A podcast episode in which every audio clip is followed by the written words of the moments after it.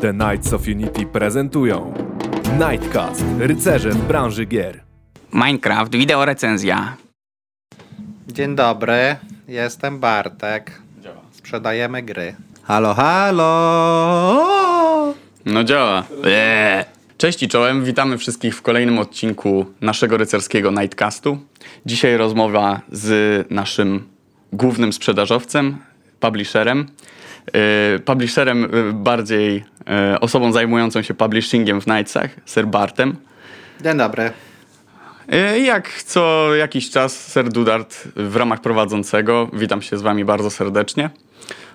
Dzisiaj, tak jak w ramach naszego gościa, porozmawiamy sobie o szeroko pojętej sprzedaży i publishingu. Jak to się odbywa w ogóle w game devie, z czym to się je. A na początek chciałem się zapytać, jak się tu w ogóle czujesz w okolicznościach No Dobrze, naszej to, nagrania. to była nasza wspaniała salka kiedyś do robienia coli z klientami. Tak, Ale nam, nam ukradli i zrobili studio nagraniowe. Y, Wiesz co, ja ją wykorzystywałem w inny sposób. Jadłem tutaj obiady zazwyczaj. I zbulwersowałem się. zdjęcia były robione. Tak, no, my tak. się z nowej salki dalej nie możemy doprosić, ale dobrze, z domu pracujemy teraz często. No, ja mam problem, bo mi zamknęli stołówkę i e, nie jest to nie jest to najkorzystniejsze. W sumie nie mamy takiego drugiego fajnego miejsca, gdzie wszyscy przychodzą. Zazwyczaj każdy wybiera inne, inny office i, i, i, i nie ma już takiego, takiej klitki. Trzeba będzie o tym pomyśleć, myślę. No, można, ale jak przy kąpie jecie, to wtedy lepiej się rodzinki logują i Tak, dobrze tak, idzie. to prawda, to prawda. A nie gadacie. To prawda. Spoko. E, Bart, opowiedz mi w ogóle, czym ty się do końca zajmujesz w Nightsach? Jak wygląda twój dzień? Bo szczerze mówiąc, twoja pozycja jest jakby najbardziej odległa mojej wiedzy, mojemu doświadczeniu. E, Jedyne doświadczenie, jakie mam z jakimś publishingiem, to są y, niezbyt owocne rozmowy z innymi publisherami, którzy próbowali w jakiś sposób w środowisku bardziej lub mniej korzystnym dla mnie wydać moją gierkę parę lat temu, E, ale tak to absolutnie nie mam pojęcia o tym, z czym to się je. Okej, dobra, to może po kolei. E, jakby, no, ja w Nightsach się zajmuję powiedzmy większością rzeczy, które nie są związane bezpośrednio z produkcją gier. E, czyli, czyli powiedzmy z jednej strony e, jakby tutaj są takie dwie, dwie, dwie drogi, tak, którymi się głównie zajmuję. E, z jednej strony to jest publishing, czyli wydawanie naszych gier, kontakty z naszymi obecnymi publisherami, czy też wydawanie gier innych, innych firm, z którymi zaczynamy działać. E, Z drugiej strony to jest jakby sprzedaż naszych usług, tak? czyli tych usług, w których my pomagamy innym, innym deweloperom zrobić grę, dowieść grę, naprawić grę, e, no po prostu powiedzmy osiągnąć sukces, mniejszy lub większy. E, No jakby wszystko się zaczęło mniej więcej prawie już 4 lata temu, e, gdy, gdy do Knightsów był szukany człowiek od marketingu, E, tak ogólnie była, było powiedzmy nazwane to, to stanowisko. E, Na miejscu się okazało, że to nie człowiek od marketingu, tylko człowiek od sprzedaży. E, Natomiast no, z uwagi na to, że ja w tym momencie też jakby szukałem pracy w, w game devie, e, bo chciałem do niego wrócić, e, to udało nam się jakby e, zgrać e, e, oczekiwania Knightsów i moje. E, No i dołączyłem, tak? Dołączyłem na początku jako sprzedawca, e, później w międzyczasie E, Zaczęliśmy też rozbudowywać cały jakby team sprzedażowy, żeby jednak te nasze, e, nasze usługi e, no, docierały po prostu do, do klientów z całego świata, e, bo, bo w pewnym momencie było, wyglądało to w ten sposób, że nie mieliśmy, nie byliśmy w stanie za, jakby obsłużyć wszystkich zapytań, które, które do nas trafiały. E, No i kilka fajnych projektów przez to odpadło. E, Więc rozbudowaliśmy team e, sprzedażowy, który dzia, zaczął działać bardzo fajnie. No i w międzyczasie jakby tutaj też jakby naturalnie trafił do mnie temat, temat publishingu. Na początku współpracy z, publishinga, z publi- publisherami, którzy wydają nasze gry. No a później naturalnie też to przeszło do, do publishingu naszych własnych tytułów.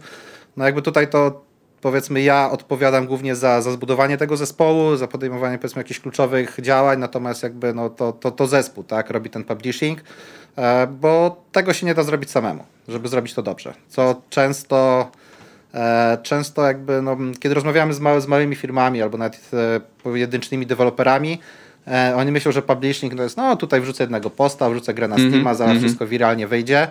E, no czasami wychodzi, no ale to jest równie dobrze, można w podcast obstawiać i, i szanse pewnie są podobne. Jasna sprawa, jasna sprawa. Dobra, no to z tego co mówisz, mi się w głowie ym, tworzą takie dwie ścieżki. Jedna to jest właśnie ten publishing, druga to jest ta sprzedaż. E, teraz jakbyś miał je jakoś rozróżnić i e, opowiedzieć, czym w zasadzie te dwie profesje w ramach twojej pracy się różnią. Nie wiem, jak wygląda twój dzień w, w, w momencie, kiedy zajmujesz się stricte publishingiem, a jak wygląda twój dzień, kiedy e, jesteś po prostu salesem. Mhm. Znaczy, no to nie da się tego jakby rozgraniczyć, bo, bo i w jednym i w drugim przypadku jest to praktycznie, no, nie, nie da się jakby tego zaplanować, mm -hmm. tak? Szczególnie od strony sprzedaży, no bo zapytania dostajemy praktycznie cały czas mm -hmm. o mhm. różnych porach dnia i nocy, no i czasami to, czy odpowiemy szybciej, czy wolniej, decyduje też o tym, czy, czy dany temat do nas trafi. Mm-hmm.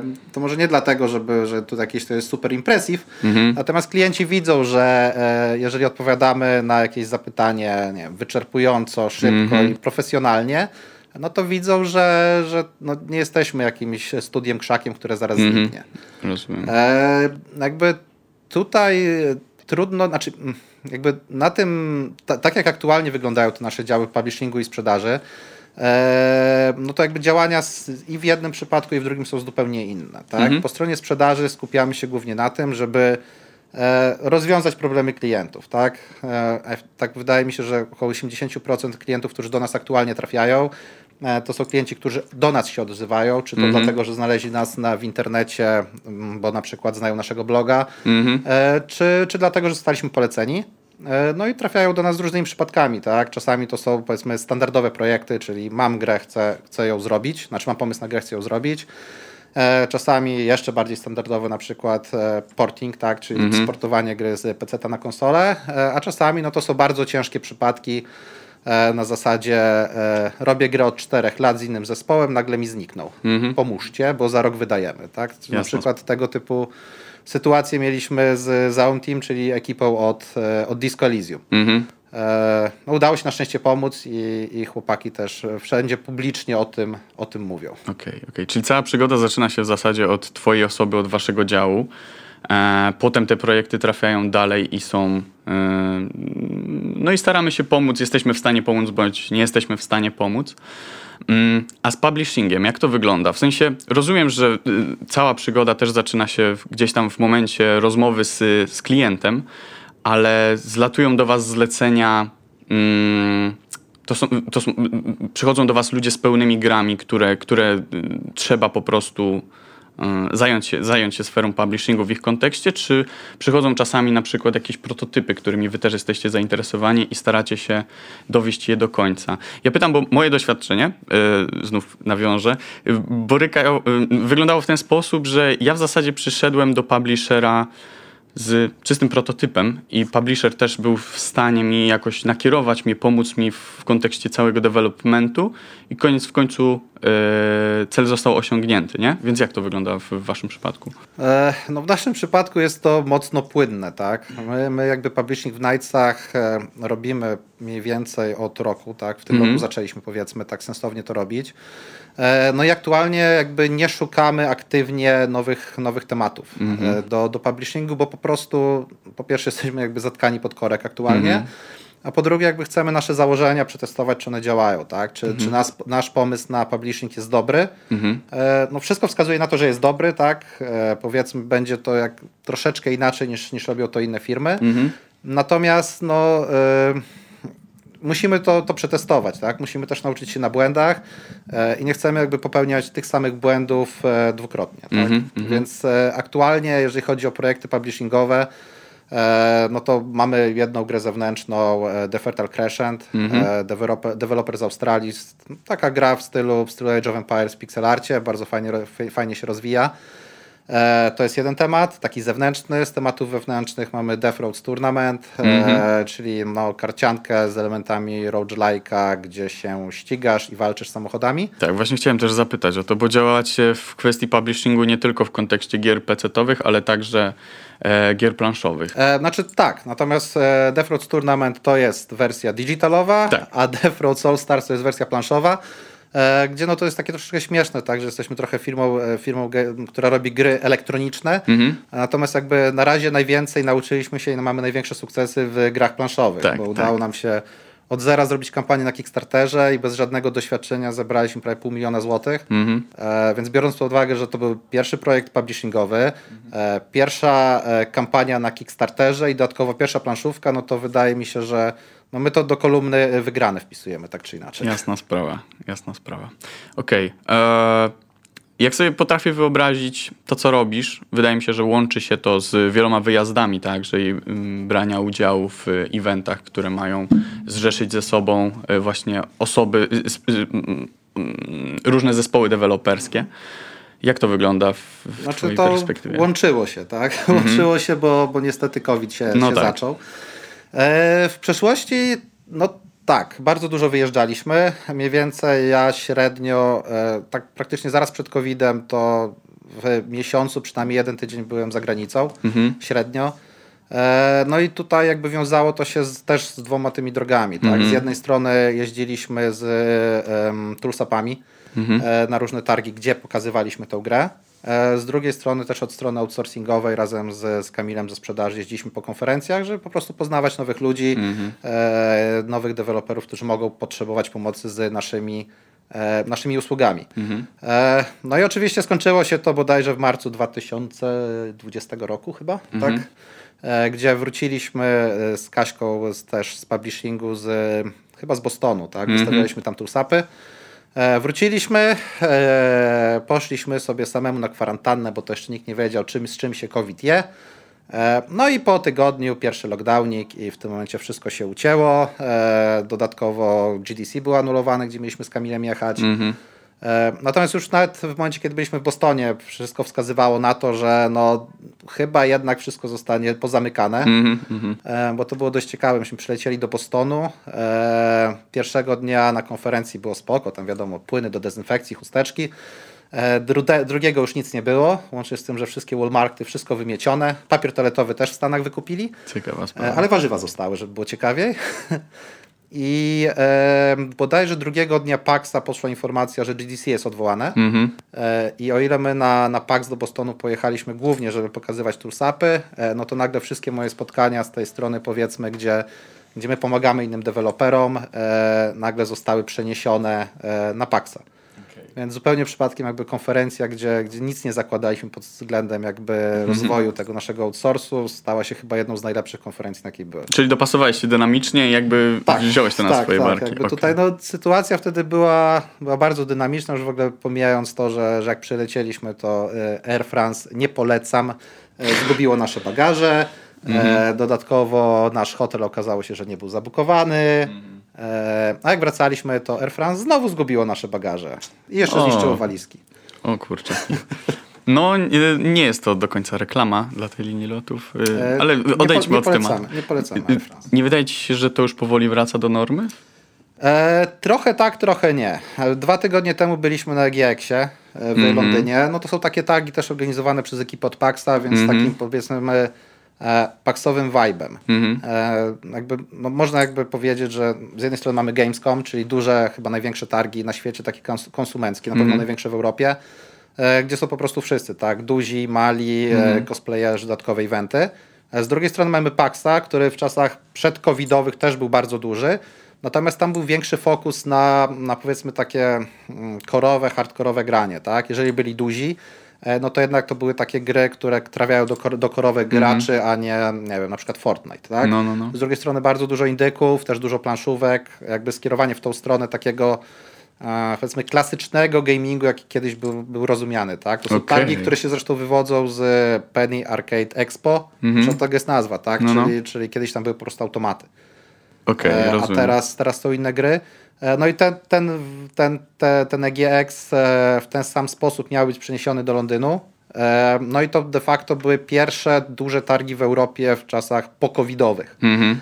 E, Bo PAX Seattle był miesiąc wcześniej w, w Stanach i e, no niestety nie wyszedł najlepiej. Wyglądało Mhm. to jak e, jakiś mały, mały konwent na jakiejś uczelni. Okej, rozumiem. E, ale problem wynikał z tego, że przede wszystkim no, w Stanach tam były bardzo duże naciski, żeby w ogóle tego nie organizować, a z drugiej strony w, do Stanów nie dało się wlecieć z Europy. My mieliśmy się tam wystawiać z, z Defraudsami i z TFC, natomiast e, no, w momencie, w którym musieliśmy bezpośrednio do ambasady pisać o, e, o zezwolenie na wjazd i e, chcieliśmy udokumentować, że spotkania z Facebookiem, Apple'em i Googlem e, to jest e, dobre dla national security w Stanach Zjednoczonych.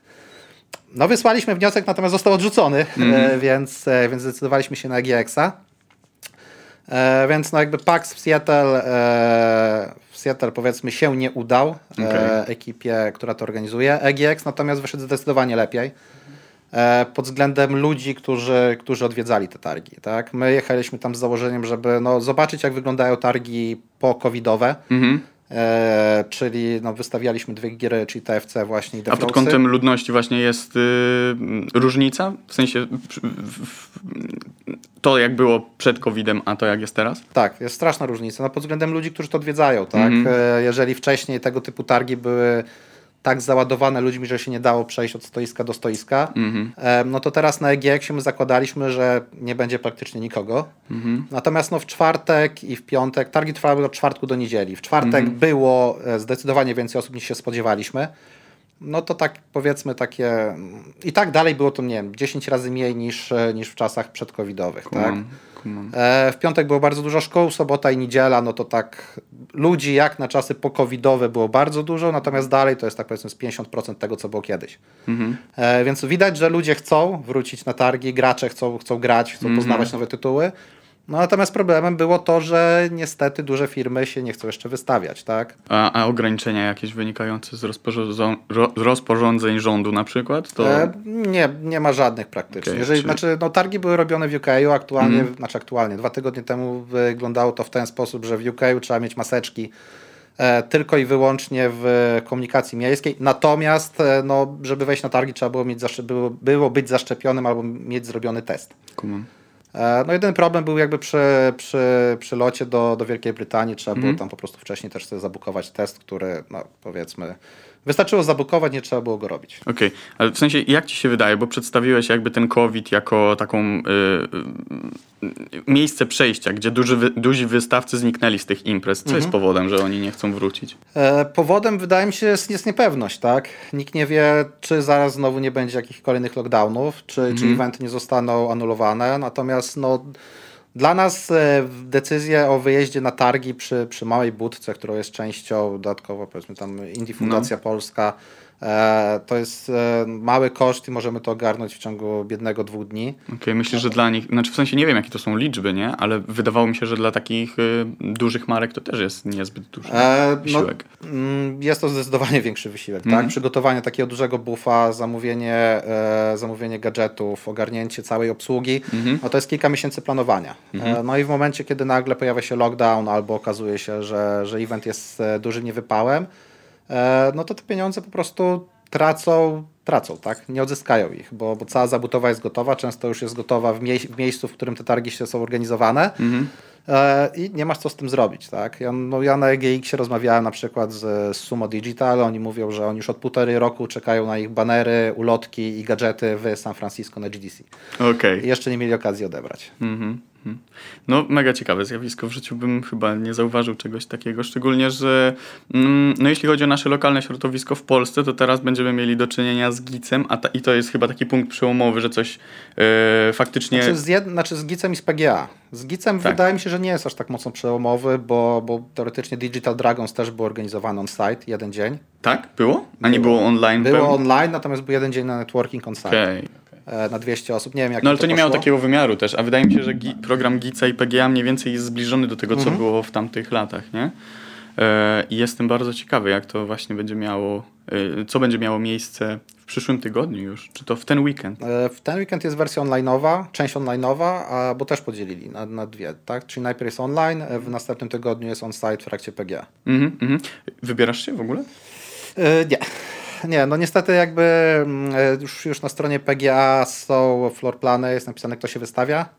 E, No, no niestety wygląda to, to, to słabo, tak? No nie ukrywajmy. No, z tego co wiem są dwie całe hale, natomiast e, no, gier jest mało, niestety. Okej. Jak sobie poradziliście w ogóle z tą sytuacją covidową? Jak wygląda, jak, jaki to miało, jaki wymiar przybrała wasza praca, kiedy, kiedy wleciał covid? Znaczy, wie- no to powiem tak, od strony sprzedaży e, ostatnie półtorej roku, albo od kiedy pojawił się COVID, to chyba najlepsze czasy, jakie mieliśmy. O, no. więc, z naszego punktu widzenia COVID e, bardzo pozytywnie wpłynął na, na to, co robimy. Mhm. Tak? E, z jednego bardzo prostego powodu. E, w przyszłości, jak rozmawialiśmy z większymi firmami, e, bardzo często pojawiał się taki mm, powiedzmy argument z ich strony, że okej, no jesteście super chłopaki, dziewczyny, chcemy z wami działać, natomiast chcemy mieć ludzi on site, tak, żeby pracowali u nas w biurze. E, natomiast e, wydaje mi się, że to się zaczęło tak mniej więcej 3, 3 miesiące po pierwszym lockdownie, e, gdzie no teoretycznie, no może nie telefony się rozdzwoniły, ale dostaliśmy kilka maili od osób, z którymi wcześniej rozmawialiśmy o dużych projektach, gdzie było informacja, no wiecie co, u nas tak czy inaczej teraz wszyscy pracują zdalnie, więc e, może wróćmy do rozmów. Prosta sprawa. E, więc e, no jakby to bardzo szybko pokazało, że, że wcale nie trzeba mieć deweloperów u siebie czy artystów w, biurze, e, że jakby praca zdalna, w, przynajmniej w naszej branży działa, działa bardzo dobrze, tak? Ludzie potrafią to robić. E, I e, no, w tym momencie jakby firmy, które były zamknięte z tego powodu jakby na, na nasze usługi, jakby no, otworzyły się, tak? bo zobaczyły, że nie jest to ryzykowne na podstawie ich własnych ludzi i zobaczyli, że w stosunkowo łatwy sposób mogą jakby nawiązywać współpracę i mieć dodatkowe wsparcie z, od, od, od innych firm. Tak? Mhm, mhm. No ja myślę, że COVID był takim punktem, który uświadamiał nie tylko naszą branżę grową, ale i inne rynki też co do tego właśnie, o czym opowiadasz, nie? że ta praca, praca zdalna, y, dobrze zorganizowana wcale nie musi wiązać się ze stratą jakiejś efektywności w pracy. E, No i też y, dał impuls do, do, do, do takiej zmiany mm, organizacyjnej, która wydaje mi się, że będzie miała przełożenie na to, co się będzie działo w przyszłości, bo y, część z tych firm, które w trakcie COVID-u przeszły na pracę zdalną albo jakoś się przeorganizowały, raczej pozostaną w tej, w tej formacji, bo mm, mam, taką, mam takie wrażenie, że yy, skoro coś działa lepiej e, za pomocą remote'a, e, a z remote'a, z, tej swobody, z, decyzyjności pracownika co do tego, czy chce wykonywać pracę na miejscu, czy, czy zdalnie, e, z tej, z, tej, z tej jego swobody do decyzji e, wynika fakt, że on się po prostu lepiej czuje z tą, e, w, w, danym środowisku pracy. Trochę zakręciłem, ale wiesz o co mi No chodzi. tak, no jakby, e, my jakby widzimy to po nas, tak, Mhm. u nas i, i w publishingu i w sprzedaży i też widzimy po klientach. No, Mhm. mamy, mamy klientów, z którymi zaczynaliśmy współpracę albo rozmowy e, w momencie, w którym oni mieli normalnie biuro, pracowali z tego biura, natomiast Mhm. no teraz po prostu biura nie mają. E, pracują skąd chcą i to dla nich działa. Mhm. E, I też jakby no, u nas wygląda to podobnie, tak? E, no, mamy takie stanowiska, gdzie dla nas do, do pracy wystarczy komputer i telefon i dobre słuchawki i praktycznie możemy robić wszystko. Tak. E, dodatkowo jakby na przykład w moim przypadku, w momencie kiedy pracuję z domu, odpada mi półtorej godziny na dojazdy, w to i z powrotem dziennie, plus e, no ja i tak czy inaczej jakby mam powiedzmy nienormowany czas pracy, tak? Często zwaniamy się z klientami, z Kamilem z, z innych stref czasowych, e, czy to Australia, kole o 6-7 rano, czy, czy Stany Zjednoczone, e, na przykład Kalifornia, gdzie się zwaniamy tam o godzinie 19 czy 20. E, więc no wiadomo, zdecydowanie lepiej to robić z domu, gdzie potem nie trzeba wracać wieczorami e, z biura. E, no i tutaj jakby nie ma praktycznie zero, to nie ma ze- zerowego impaktu jakby na, na, nasze, na, na to, jak pracujemy, jaka jest nasza, jak, jak, jak działamy e, i jaka jest powiedzmy nasza wydajność, tak? Nawet ma pozytywny wpływ.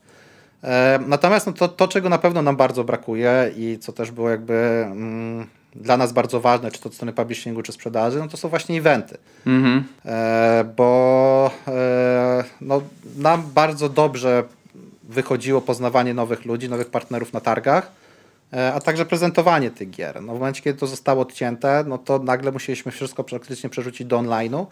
E, no i troszeczkę nam, nam było tego szkoda. Tak? Jednak kontakt z ludźmi taki face to face, gdzie można porozmawiać, jest zdecydowanie lepszy niż, e, niż online. No i to też było widać po EG, i E- EGX-ie. Tak? W trakcie EGX-u było e, Game Industry Live, taki dodatkowy event powiedzmy B2B, e, gdzie miałem chyba 8 spotkań. E, No i wszyscy praktycznie na tych ośmiu spotkaniach powtarzali to samo, że fajnie w końcu się spotkać i porozmawiać z ludźmi face to face. E, No i jakość tych spotkań była zdecydowanie jakby lepsza niż to, co było przed COVID-em. Tak? Kiedyś to się czasami na niektórych targach e, bardzo dużo spotkań było takich powiedzmy mm, no, na siłę, tak? No, ktoś właśnie. chciał się z nami spotkać, a tutaj rzeczywiście każde, każde wnosiło jakąś wartość. Tak?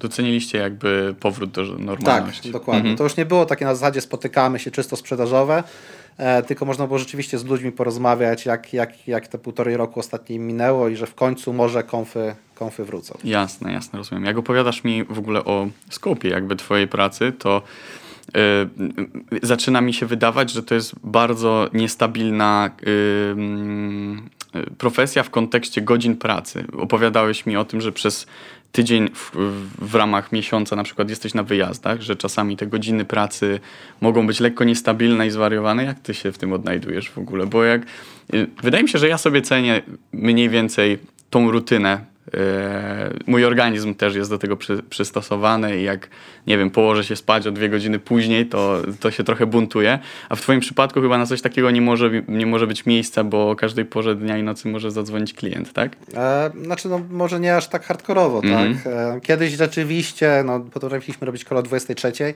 -hmm. ale już, już to odpuściliśmy, tak? Jesteśmy w stanie cały glob ogarnąć, nie wiem, do godziny 21 najpóźniej. Mm -hmm. e, więc, e, no dobrze, jeżeli to by rzeczywiście był ktoś duży, i, i z bardzo fajnym projektem moglibyśmy coś takiego zrobić, ale mhm. raczej już e, e, w momencie, kiedy my jesteśmy w stanie nagrać nasze godziny pracy, też oczekujemy od potencjalnego partnera, żeby też to troszeczkę zrobił. Mhm. E, natomiast no, ja mam trójkę dzieci, więc jestem przyzwy przyzwyczajony do chodzenia okay. spać i wstawania o różnych godzinach. Tak? Okay.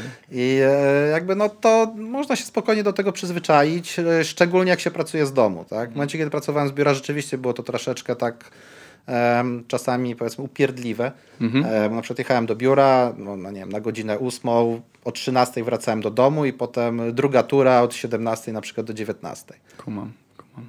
Spoko. E, dobra, jeszcze taka myśl mi przyszła do głowy, że w zasadzie twoja praca w 90% skupia się wokół komunikacji. Czy to, czy to jest dobre stwierdzenie? E, znaczy, powiedzmy kiedyś tak, natomiast teraz poza jakby takim, e, takim działaniem operacyjnym z klientami, mm -hmm. które, które robię, no to też w duży, dużej mierze jakby e, ogarniam zespół i publishingowy i sprzedażowy e, i tutaj głównie praca się skupia na rozwiązywaniu różnych problemów. Mm -hmm. e, znaczy rozwiązywaniu różnych problemów, podejmowaniu czasami trudnych decyzji, no i odpowiadaniu za nie. Mm -hmm, Okej, okay, rozumiem. Czy to są aspekty Twojej pracy, w której Ty się doskonale odnajdujesz i to jest taka cecha must have dla człowieka, który powinien się zajmować sprzedażą bądź publishingiem? E, znaczy, no jeżeli chce się, chce się zarządzać takim zespołem, no to wydaje mi się, że tak. tak? Mm -hmm. Przy mhm. czym to bardziej nie jest na zasadzie zarządzanie, że z bacikiem masz robić to, to i to, tylko no danie, danie, danie ludziom w zespole możliwości e, robienia tego, co, co robią dobrze, co chcą robić. Mhm. E, no i wspieraniu i pomaganiu im w, w, nie wiem, w trudnych decyzjach, czy w momencie, w którym na przykład nie mają odpowiednio dużo doświadczenia, żeby, żeby, żeby zdecydować o czymś, tak? -hmm. Natomiast jeżeli chodzi o, o bycie, e, bo tutaj trzeba na pewno rozdzielić, tak? Bycie sprzedawcą, a, a pracę w publishingu, mm -hmm. no to zaczynając od sprzedawcy, powiedzmy, no to przede wszystkim trzeba mieć w łatwy sposób nawiązywać e, kontakt z ludźmi. Czy to na eventach, czy to, czy to przez, przez internet, czy to przez maila, czy, -hmm. czy mhm. z wideokola, bo w, czasami jest tak, że no, niektóre osoby bardzo dobrze się czują w jednym medium, na przykład, e, nie wiem, online, mhm. e, a on-site sobie zupełnie nie dają rady, tak? Czyli takim kontakcie face to face. Mhm. E, więc no tutaj trzeba być na pewno mocno otwartym. I wydaje mi się, że to jest najważniejsze. Mhm. Jak to wypracować? Jak to wypracować? E, Metoda prób i błędów, tak? czy, czy jakoś inaczej? To jest bardziej na zasadzie, mm, trzeba po prostu mieć do tego predyspozycję. Okay. E, natomiast też, też, nie wiem, jeżeli ktoś jest zamknięty w sobie, tak, nie jest taki skory do, mm -hmm. do rozmów z ludźmi, e, nie wiem, nie lubi dzwonić telefonem, mm -hmm. e, to, to po prostu musi zacząć to robić i może zacząć czerpać z tego przyjemność po pewnym czasie. Mm -hmm. No ja kiedyś też byłem osobą, może nie zamkniętą w sobie, tak, ale którą, która, nie wiem, wolała grać w WoWa i w CS-a mhm. e, i nawet nie do końca lubiła rozmawiać na jakichś voice chatach, tylko mhm. wolała pisać, natomiast jakby naturalnie e, w momencie, kiedy głównie w Najcach zacząłem pracować, tak, to się zaczęło. Pierwsze jakby kole, które miałem z klientami, były bardzo stresujące, mm -hmm. no ale potem jakby stało się to już zupełnie naturalne, tak. Po prostu wraz z doświadczeniem to, to, mm, to przychodziło naturalnie. Okay. Na pewno to, co mocno pomaga, to jest dokładna jakby znajomość tematu, tak. Mm -hmm. To, o czym mhm. chce się rozmawiać, z kim się mm -hmm. rozmawia, zrobienie wcześniej jakiegoś researchu, e, no bo wtedy jakby nic cię mocno nie zaskoczy. Jeżeli znasz dokładnie temat, o którym chcesz mówić, i też jesteś w stanie powiedzieć przykładowo klientowi, jeżeli czegoś nie wiesz, tak, i się na przykład dowiesz, e, no to, to nie jest problem, tak? Czy, czy robisz kola z jakimiś e, indykami z, ze Stanów, czy, czy nie wiem, z Ubisoftem, czy z Blizzardem. Yy, powiedziałeś o stresie. Ten stres zazwyczaj występuje na samym początku. Jaki jest taki próg czasowy w Twoim przypadku, kiedy ten stres przestał ci się e, przejawiać dosyć mocno na tych kolach? Wiesz co, wiesz co, nie wiem. Wydaje mi się, że w momencie, w którym jakby już e, e, byłem na takim etapie, że, że jakby całe intro do kola jestem w stanie mm -hmm. przeprowadzić obudzony w środku Rozumiem. nocy. E, albo kole, kole mi się śnią, no to, mm -hmm. to mhm. wtedy już e, nie było tego stresu, tak? To było bardziej na zasadzie, jeżeli dokładnie znasz temat i odrobisz pracę domową, mm -hmm. no to nie masz się czym stresować, tak? No jasne. Dobra, przejdźmy sobie dalej do e, ról, jakie w zasadzie mamy w sprzedaży i publishingu, bo to jest temat dosyć ciekawy. I przyznam się szczerze, o tym też nie mam bladego pojęcia. Jak wy się dzielicie obowiązkami i jakie są gałęzi w tych, e, w tych branżach? Okej, okay, no to, to może zaczniemy od ciekawszej części, czyli od publishingu, tak? Mm -hmm. No więc e, nasz team publishingowy składa się z pięciu osób, w tym wliczając mnie. No i na ten moment to jest coś, co, co nam wystarcza. Mhm. Natomiast w momencie, kiedy będziemy mieli więcej projektów, albo te projekty będą e, na późniejszym etapie, na pewno będziemy musieli jakby zwiększać ilość osób, bo, bo po prostu się nie będziemy wyrabiać. Tak? Mhm. Teraz mhm. jesteśmy zrobieni pod korek, e, ale działa to fajnie. Mhm. E, więc jestem ja, który powiedzmy no, liduje ten zespół publishingu, przedstawia powiedzmy całą strategię, czasami tłumaczy strategię, którą wymyśli zarząd na takie bardziej operacyjne działania. Następnie mamy, mamy jakby ten zespół taki mocno operacyjny, który też jakby w budowaniu tej strategii w pełni uczestniczy. Tak? Mm -hmm. Czyli mamy Kaśkę, e, która zajmuje się u nas social media, stroną internetową, powiedzmy też takim, może nie PM-owaniem, ale nadzorem nad, nad projektami publishingowymi, które robimy. Mm -hmm. E, następnie mamy, e, mamy, tak postaram się po kolei według zatrudnienia. Następnie mamy Mata, nie, Patma, e, Civila, tak, Civila, tak. czyli naszego community managera, e, czyli osobę, która odpowiada na pytania, które trafiają do nas z community, e, czyli tak, też, też tak troszeczkę pracuje jakby na takim powiedzmy helpdesku. E, z drugiej strony ogarnia Discordy, rozmowę z community, wyciąga od mm -hmm. nich mhm. feedback, e, przekazuje ten feedback do, do teamów produktowych czy do nas, co powinniśmy zrobić. E, następnie mamy Mata, który zajmuje się u nas e, jakby całą stroną wizualną, tak? czyli tworzeniem wszystkich grafik, tworzeniem trailerów. Mhm. E, I mamy Patmana, który odpowiada za, za copywriting, za kontakt z mediami, z influencerami. Okej, okay. jest tego dużo więcej niż się spodziewałem. E, tak, no i to wiesz co, to jest taki, taki bardzo powiedzmy podstawowy -hmm. zestaw. -hmm. Powiedziałbym, że takie minimum, z którym jeżeli coś, coś chce się robić w miarę sensownie, no to który trzeba mieć. Mm -hmm. No i my jakby całość wypracowaliśmy praktycznie przy tej kampanii Kickstarterowej. Kto za co odpowiada, w czym jest dobry i, i na czym się musi skupić. I mhm. zobaczyliśmy, że jakby to są te podstawowe, e, podstawowe jakby stanowiska czy obszary, w których, w których musimy mieć dobrych ludzi. Okay. Jakbyście mieli dorzucić jeszcze jakieś e, stanowiska, to co to by było? E, znaczy, w momencie, kiedy, kiedy jakby otworzymy się na publishing, mhm. e, no to najprawdopodobniej byłoby to jakieś stanowisko scouta. E, czyli e, no pytanie, czy to była osobno, osobna osoba, czy, czy, czy jeszcze nie, to nie wiadomo, natomiast to są osoby, które aktywnie poszukują nowych tematów. Hmm. E, więc na pewno to jeszcze nie na początku, tylko w momencie, kiedy już rzeczywiście będziemy mogli tych tematów robić więcej, będziemy mm -hmm. robić dobrze, żeby rzeczywiście znaleźć takie fajne perełeczki jakby. No, na ten moment jakby rolę takiego skauta pełni nasz, nasz zarząd głównie. A, zarząd, okay. Nasz zarząd, no plus to, co do nas trafia, mm -hmm. tak? Więc to, to działa stosunkowo fajnie. E, pewnie kogoś e, z takim też zacięciem troszeczkę, e, może nie sprzedażowym, tak, ale takim bizdevowym, czyli biznes developmentowym, mm -hmm. na przykład do kontaktów z, z brandami, mm -hmm. kiedy chcielibyśmy połączyć jakiś brand z jakąś grą, do kontaktu z, bezpośrednio z platformami. Mm -hmm. no bo tutaj też jakby wypracować sobie dobre relacje z, z PlayStation, z Sony, z, ze Switchem czy z, mm, ze Steamem, to też jest troszeczkę roboty. -hmm. E, no i de facto do, dogrywanie jakichś dodatkowych deali, tak? Czyli z tych platformami, gdzie, e, gdzie powiedzmy w drugim obiegu pojawiają się gry, tak? Czyli czy to jest GOG, czy to jest Humble Bundle, e, czy inne firmy tego, tego typu. Natomiast bardziej wydaje mi się, że to jest raczej skalowanie ilości osób w tych, mm, które odpowiadają za te tematy, o których wcześniej okay. mówiłem, tak? no. Czy to social media, czy, czy influencerzy, czy, czy wideo na przykład. Spoko, spoko. No jest to w miarę jasne. Jeśli chodzi o salesów, tam macie jakieś yy, rozróżnienie co do tego, co robicie? Czy to jest... Troszeczkę tak, tak. Aktualnie mm. w salesach są trzy osoby. Mm. Ja z Kamilem jakby bezpośrednio kontaktujemy się z klientami, jeździmy na konferencje. Mm -hmm. I dodatkowo mam Artura, który zajmuje się u nas e, powiedzmy takim researchem potencjalnych ciekawych tematów. E, no i całą, całą częścią związaną z, z raportami, z, z fakturowaniem klientów no i z nudnymi e, cyferkami, całą resztą. No czasami też z windykacją. Spoko, spoko.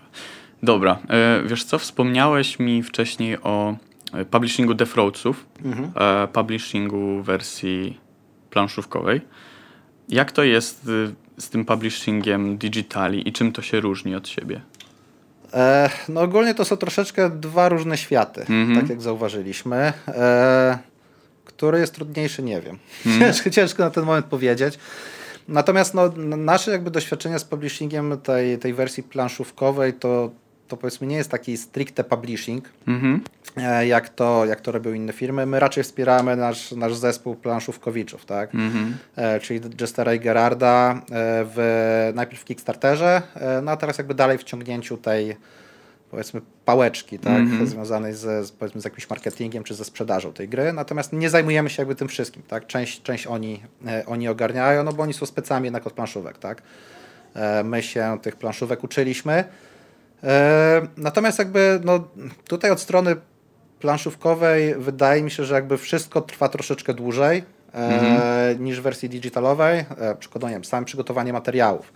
Okay. Bo część, część materiałów po prostu nie ma i trzeba je dodatkowo stworzyć. Mhm. Też jakby mamy o wiele mniejszą jakby mm, szybciej musimy podejmować decyzje, bo ich wdrożenie czasami na przykład do gry zajmuje więcej czasu. Kumam. Czyli wy się też taką sferą pr produkcyjną zajmujecie w zasadzie? E, nie, na szczęście nie. Okay. Jakby jeżeli chodzi o planszówkę, to chłopaki zajmują się sferą mm -hmm. produkcyjną. Mm -hmm.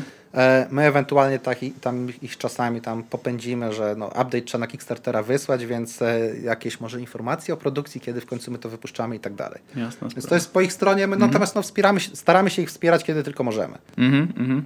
Spoko. E, no i co, no mm, my nie wiemy jak wygląda jako marketing nasz tutaj wewnętrzny, czy publishing, publishing takich klasycznych planszówek, gdzie robimy planszówkę, wysyłamy do sklepów, jakaś kampania marketingowa, nie mamy o tym zielonego pojęcia, no my skupiliśmy się na Kickstarterze, e, który też jest taką powiedzmy drogą, którą bardzo wiele firm związanych z planszówkami wykorzystuje, tak? Mm -hmm. czy, mhm. czy nawet Waker Realms z Wrocławia, czy, tak. czy Lucky Ducky.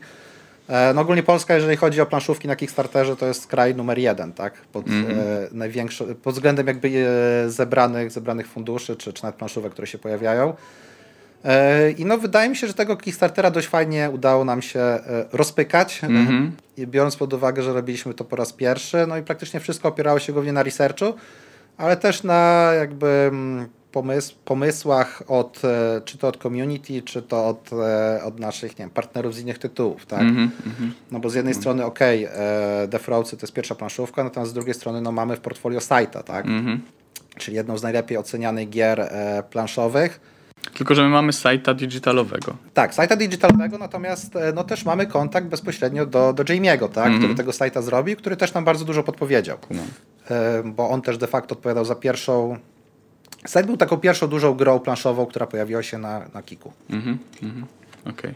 No i y, tutaj mamy sferę planszówkową, a jak to wygląda w kontekście digitalu? Mnie to chyba bardziej nawet tak zajawia i jestem, jestem bardziej na ten temat ciekawy. Okej, okay, no w sferze digitalowej wygląda to tak, że e, no, nasze podejście do publishingu jest e, powiedzmy inne niż e, wielu firm, które są na rynku. -hmm. E, my, my, nie chcemy się skupiać jakby na publishingu gier na zasadzie e, wypuszczamy grę, pyk, pierwszy tydzień patrzymy jaka sprzedaż i potem mhm. zapominamy. Tylko bardziej chcemy, chcemy wypuszczać gry, które będą budować efekt takiej kuli śnieżnej. Czyli wypuszczamy grę, gdzie jakieś oczywiście środki są zaangażowane, tak, nasze działania na, na wypuszczenie tej gry, natomiast jakby e, cała sprzedaż i rozwój tego tytułu, e, zaczyna się de facto cała zabawa, zaczyna się w momencie wypuszczenia. Tak? My chcemy opierać gry e, na, na budowaniu community wokół danego tytułu, mm -hmm. wokół całego powiedzmy portfolio docelowo naszych gier, ponieważ one będą mniej więcej podobne, będą może nie podobne, natomiast będą docierać do tej samej grupy docelowej, tak?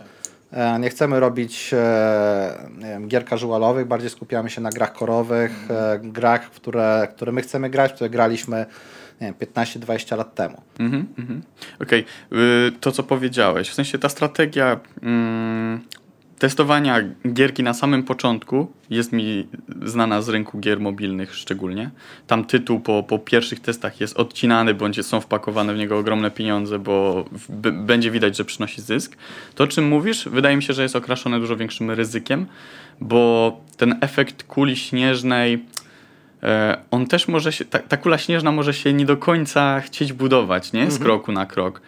I nie mam do końca informacji, jak ten cały proces, proces wygląda, ale wydaje mi się, że z perspektywy biznesowej to może być trudniejsze, trudniejsze do osiągnięcia. ale też zastanawiam się, czy są publisherzy, którzy mają właśnie taką strategię w kontekście gier korowych, że nie wiem, robią na przykład jakieś szybkie testy retencyjne na tej podstawie. Mm, znaczy, to, to, to, to może źle to przedstawiłem. My nie chcemy robić soft launchy, tak? Mm -hmm. Nie mhm. chcemy robić tego, co się robi na mobilu, mm -hmm. żeby sprawdzić grę, bo e, my tak czy inaczej, zanim grę wypuścimy, mm -hmm. to już chcemy, żeby ona była przetestowana, tak? Okay. Wiadomo, my wcześniej będziemy robić jakieś playtesty, będziemy, mhm, mhm. będziemy testować tą grę w, na, na ludziach w biurze, potem zewnętrznie, jakieś playtesty internetowe. Natomiast e, moment wydania gry to jest moment, w którym jakby już chcemy mieć jakieś początkowe community graczy mm -hmm. skupionych wokół tego tytułu. E, czy, e, no i później chcemy, żeby rozwój gry był też w jakiś sposób dyktowany przez tych graczy. Mm. I żeby oni dzięki temu byli w stanie przyciągać innych ludzi, którym, którym ten tytuł się może podobać, tak? Jasne. To jest na przykład to, co, to, co często robi Devolver Digital czy, czy Tiny Build. Mm -hmm. tak? Oni też się skupiają na podobnych, e, podobnych, e, podobnych tytułach, na, na podobnym targecie i też e, to nie są firmy, które wyrzucają miliony na marketing, -hmm. ale bardziej na zasadzie robią to rzeczywiście pod graczy. Okej, okay, okej. Okay. I to działa. E, im działa, nam mam nadzieję też będzie działać. No na razie, na razie widzimy, że idzie w dobrą stronę, tak? Mm -hmm, Czy no może z Defraud jeszcze jest troszeczkę za wcześnie, no bo de facto my pierwsze nasze działania podjęliśmy na EGX-ie dwa tygodnie temu. Mm -hmm. Natomiast z Defertal Crescent no, widzimy, że to się powoli rozwija i idzie w fajną stronę. Tak? Okay. Tam już są ludzie, którzy są na Discordzie, są ludzie, którzy rozwijają tą grę, mm -hmm. e, dają feedback, samemu z siebie organizują różnego typu turnieje E, które my teraz będziemy wspierać, więc e, no, naszym zdaniem jest potencjał jak najbardziej i, mhm. to, są te, to są jakby gry, które, które można grać e, no, nie na zasadzie 10-20 godzin, tylko latami. Tak? Kumam, kumam, spoko. E, otarliśmy się o temat e, właśnie gier mobilnych, a ja wiem, że ty wcześniej miałeś e, przyjemność i doświadczenie pracować z, w mobilkach. Jak te dwie perspektywy różnią się od siebie, w której odnajdujesz się lepiej? Jakbyś więcej trochę o tym drugim świecie właśnie Okej, okay, no to jakby ja mam doświadczenie z, z publishingu gier, gier mobilnych e, i też ogólnie gier free to play z mm. Square Games, które, które było pierwszym studiem, w którym pracowałem w game devie. Mm -hmm. No i tam się bardzo dużo nauczyłem, tak? Jak, jak to wygląda od strony gier free to play na początku webowych, później mobilnych. Mm -hmm. Jakby jest to dość podobne i opiera się na tym, że, że jakby koszt pozyskania użytkownika musi być niższy od tego, ile się na użytkowniku zarabia. Mm. E, praktycznie wszystkie przychody i koszty można dokładnie policzyć e, i, i no, cała zabawa to jest praktycznie Excel. Mm-hmm. Natomiast w momencie, kiedy się przechodzi do świata gier PC-owych, a już, a już szczególnie konsolowych, mm-hmm. no to wygląda to zupełnie inaczej. Tak? Okay. O ile na, na mobilu czy, czy, czy na webie e, wszystkie trackingi, kody trakujące, koszty, przychody widać co do jednej cyferki po przecinku mm -hmm. do mhm. każdego użytkownika można przypisać. No to tutaj czegoś takiego nie ma, tak? Tutaj na, na, na Steamie możemy ewentualnie śledzić, kto wszedł na stronę skąd e, i tyle, tak? Nie jesteśmy w stanie przypisać żadnych naszych kampanii, nie jesteśmy w stanie zrobić tego trackingu. E, dlatego no, dużo trzeba, trzeba szacować i też trzeba być de facto no, bardziej kreatywnym, tak? -hmm, e, bo, -hmm. bo nie mamy podparcia tabelką w Excelu, która pokazuje, że to się opłaca, to się nie opłaca. Mhm. Musimy to szacować, musimy patrzeć, jak, e, jak ludzie to odbierają i czy ewentualnie są jakieś wzrosty, czy nie. Okay. Brak tych narzędzi do trackingu e, wydaje mi się, że mm, definiuje też to, że rynek konsolowy i pecetowy ciągle jest w w takiej formie, jaką, z, z jaką mamy do czynienia od lat, nie? W sensie tam e, oczywiście mamy przejawy jakichś tam nurtów, symulatorów, mhm. dekoratorów i tak dalej, ale tak jak po, powiedziałeś, jest to rynek, e, gdzie trzeba być kreatywnym, więc, więc to stwarza środowisko, dobre środowisko, w którym, w którym gracze, którym zależy na trochę większych doznaniach niż tapowanie w owocki na telefonie, mogą się odnaleźć, nie? Znaczy, nie do końca. Wydaje mi się, że i, i na mobilu, i na, e, i na PC-tach, czy na konsolach mm -hmm. można mhm. znaleźć e, dużo różnych gier. Wiadomo, na mobilu to jest w mm -hmm. większości free to play, bardziej takie gry, no rzeczywiście e, jako biznes, tak, na wyciąganie kasy. E, dużo jest takich tytułów, natomiast no, też tam można znaleźć ambitne tytuły. E, na PC jest zupełnie na odwrót, tak? E, to jest też pewnie spowodowane jakby mocno jakby barierą wejścia. E, no, żeby odnieść duży sukces na. Inaczej, zdecydowanie łatwiej jest pewnie odnieść duży sukces na, na PC czy na konsolach jako indie developer niż na mobilu, tak? Na mobilu można mieć grę, tak, która jest płatna, można mieć grę w modelu free to play, natomiast żeby ona rzeczywiście się wybiła, to trzeba tam władować dziesiątki, setki, tysiące, no, miliony dolarów mm. czasami. E, bo po prostu jest taka duża konkurencja, tak? Jeżeli firmy takie jak King e, potrafią wydawać, nie wiem, 5 milionów dolarów dziennie na reklamę, mm. e, no to te gry są głównie pokazywane graczom, tak? I to gracze grają w te gry. I nawet jeżeli samemu wypuścimy tego taki tytuł, który powiedzmy w jakiś sposób organicznie się, czy, czy wiralowo się rozniesie, mm-hmm. no to monetyzując go, czy przez inapy, czy przez reklamy, no te inne gry tak czy inaczej się u nas pojawiają, więc koło się troszeczkę zamyka. Mm-hmm. Na PC-tach jest to no, zdecydowanie łatwiej jest się, może nie łatwiej, no, wydaje mi się, że jest łatwiej się wybić na PC-cie, mm-hmm. e, bo nie ma tak, aż tak dużej konkurencji. Mm-hmm. Wiadomo, konkurencja jest i w momencie, kiedy nic od strony jakby publishingowej nie będzie robione, trudno się będzie wybić. E, natomiast no, ta konkurencja jest mniejsza i jeżeli ma się dobry pomysł, e, to nawet bez jakichś strasznie dużych środków można, można spróbować się wybić. Mhm. Tak? No, teraz, e, teraz przykładowo pojawiła się gra Chuchu Train, coś takiego. Nie pamiętam dokładnie nazwy. Chuchu Charles bodajże. Okay, nie kojarzę, absolutnie. E, hmm. pomysł na grę powstał po poglądaniu filmików czy gifów, gdzie e, Tomek i przyjaciele zmienia się, taki pociąg z Tomek i mhm. przyjaciele. Mm -hmm. Nie masz dzieci, to pewnie nie wiesz. Wiem, oczy... nie, wiem oczywiście, wiesz? czym jest Tomek i przyjaciele. No, no to Tomek i przyjaciele prze... ma nogi pająka i zaczyna kogoś tam gonić. Okay, no. Na podstawie tego zrobili bardzo podobną grę, gdzie też goni cię, um, goni cię pociąg po takiej wyspie.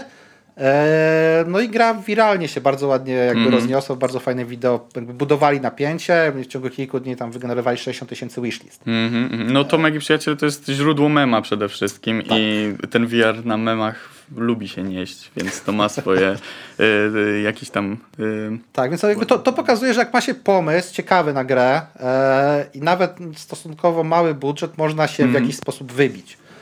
E, znaczy no i natomiast dalej jakby no mm, można próbować, na zasadzie może się uda, -hmm. natomiast w momencie, kiedy, e, kiedy, kiedy jakieś działania publishingowe się podejmuje, ma się zdecydowanie większe szanse, że to rzeczywiście się uda. Mm -hmm. Jasne, kuma. W sensie zgadzam się ze wszystkim, co powiedziałeś i e, chyba nie mam nic do dodania. Mm, dobra, był rynek, miałeś dość, przygodę z mobilkami i potem znalazłeś się w Nightsach jak się w ogóle tutaj znalazłeś? To jest ciekawe. No w Nightsach, w Nightsach się znalazłem w... To chyba była najdziwniejsza rekrutacja, jakby cały proces, proces zatrudniania, w jakim uczestniczyłem. Mm. E, bo po, po ten Square'ze jakby e, no, dołączyłem do startupu, który e, robił bardzo fajny soft do, do nagrywania shotów z gier. Mm -hmm. Czyli grałeś, miałeś fajną akcję, naciskałeś jeden przycisk, nagrywało ostatnie 30 sekund, mm -hmm. wrzucało na neta i mogłeś się tym podzielić. Mm -hmm. E, pomysł był super, e, natomiast no, e, w tym samym czasie były cztery inne pomysły tego typu. Z czego jeden miał wsparcie NVIDII, drugi miał wsparcie ATI, więc no niestety po półtorej roku to, to umarło. No i ja w międzyczasie jeszcze pracowałem na torze wyścigowym, też żeby było ciekawie, no i, no i zacząłem się powoli jakby rozglądać za tym, żeby wrócić do game devu, bo tam mm -hmm. rzeczywiście mi się bardzo podobało. E, I e, no, wspólny, wspólny znajomy e, Konrad Słabik oznaczył mnie pod postem Adama, gdzie szukają kierownika do spraw marketingu. Mm-hmm. Dwa dni później chyba spotkaliśmy się na, na stołówce Politechniki Wrocławskiej z, z Piotrkiem i Adamem. Zaprosili mnie na drugi etap rekrutacji, który de facto okazał się rozmową o tym, czy wydajemy, czy nie toolsapy. E, no i po spotkaniu, tak, tak wychodzę ze spotkania, rozmawialiśmy tej godziny i musiałem zapytać w końcu, no czy ja mam przychodzić w poniedziałek, czy nie, czy mnie zatrudnicie, czy nie, bo tak, tak, zatrudniamy. Tak? E, no wiem, że wiele osób miało podobnie, tu też dość, dość mocno zmieniliśmy Tak. rekrutację, że, że informacja o tym, czy się zostaje zatrudniony, czy nie, e, pojawiała się szybciej, natomiast no, no było to śmieszne, ale z drugiej strony jakby bardzo fajne, tak, że e, że więc jakby w tym samym czasie ja zacząłem szukać e, z powrotem pracy w game devie, a znajdź kogoś, kto, kto ogarnie jakby tą część marketingowo-sprzedażową. Jasne, jasne. No z tych starych dziei e, w, s- pojawiły się, pojawiło się mnóstwo historii, które teraz są opowiadane jako anegdotki.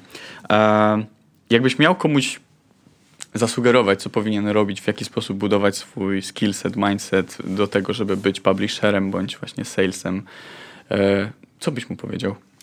Znaczy tak, no jeżeli od, od strony sprzedażowej e, ktoś chciałby dołączyć do game devu, e, znaczy ogólnie tak, no, ja zauważyłem taką jakby tendencję, że e, dużo osób e, chce iść do game devu, bo, bo kocha gry, bo, bo lubi grać w gry, chce robić gry.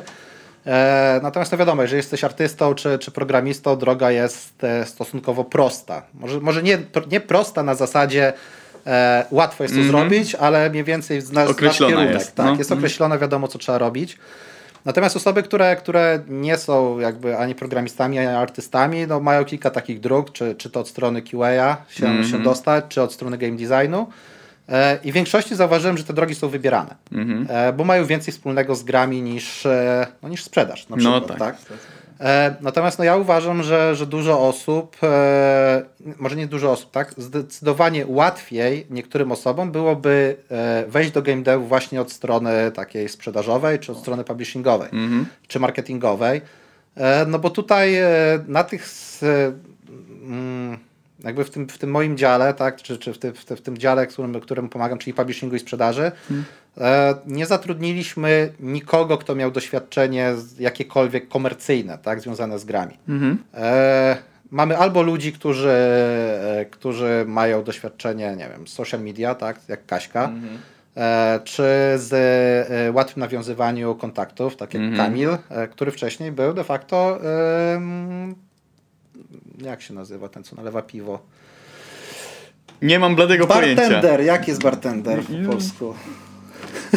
Serio nie wiem, no jak, no. E, kto się obsługuje w barze? Mm, no, ba, mm, Barman, o, no, ba- dokładnie, dokładnie, tak. Chodzi o, dobrze, tak. Kamil był wcześniej barmanem i sobie i z barmana stał się jednym z najlepszych salesów, jakich, Mhm. jakiego znam, tak? E, bo lubił grać w gry i dokładnie zna ten temat. E, podobnie jest jakby od strony publishingowej, tak? Ludzi, którzy, którzy u nas pracują, albo kochają gry, albo są bardzo dobrzy w tym, co robią. Okej. I e, no to się idealnie zapina, tak? Więc jeżeli chcesz być salesem, e, no to na pewno musisz dobrze tema, e, jakby na pewno na każdym z tych stanowisk musisz być graczem, tak? Większym lub, lub mniejszym, natomiast musisz jakby znać ten klimat. Jeżeli chcesz być salesem, no to na pewno łatwość nawiązywania kontaktów. Mhm. E, jeżeli chcesz iść do publishingu, no to w zależności od tego, co chcesz robić, tak? Czy, czy to jest copywriting, czy to jest social media, e, to tutaj jakby musisz rozwijać się w tym kierunku. Nie musisz mieć jakiegoś super dużego doświadczenia. E, czasami to doświadczenie można wypracować, czy nauczyć się nawet na jakichś kursach online, tak? Jasne. jasne. Przykładowo, nie wiem, zarządzanie reklamami na Facebooku czy fanpage'em, są oficjalne materiały Facebooka, 40-50 godzin plus jakiś potem trening i już można zaczynać jako junior, tak? W, takim, w takim studiu. E, Jeżeli chodzi o community management, no to tutaj e, bardzo dużo się przyzna, przydaje doświadczenie, przykładowo, nie wiem, z gier MMO. Jeżeli ktoś był szefem jakiejś gildii, oficerem w niej, grał w WoWa, w CS-a, w jakimś klanie, no to to jest praktycznie twoje job description, tak? Musisz robić to samo, tylko za to ci płacą. Mhm. No i czasami ugryźć się w język. Jasne. Powiedziałeś o pewnej tendencji tego, że jakby właśnie y, kierunki publishingowe, salesowe nie są wybierane, a czy to nie wynika trochę też z tego, że ludzie zajawieni na branżę chcieliby mieć trochę być może bliższy kontakt faktycznie z produktem, w sensie y, mm, z samą grą i dlatego jakby e, to, co robicie jest, jest rzadziej wybierane? Z jednej strony tak, z drugiej strony mi też się wydaje, że dużo osób nie do końca rozumie na przykład jaka jest rola game designera, czy, czy na przykład QA w projekcie, tak? Jeżeli myślą o QA, myślą super, będę całe dnie nie grał w gry. Tak.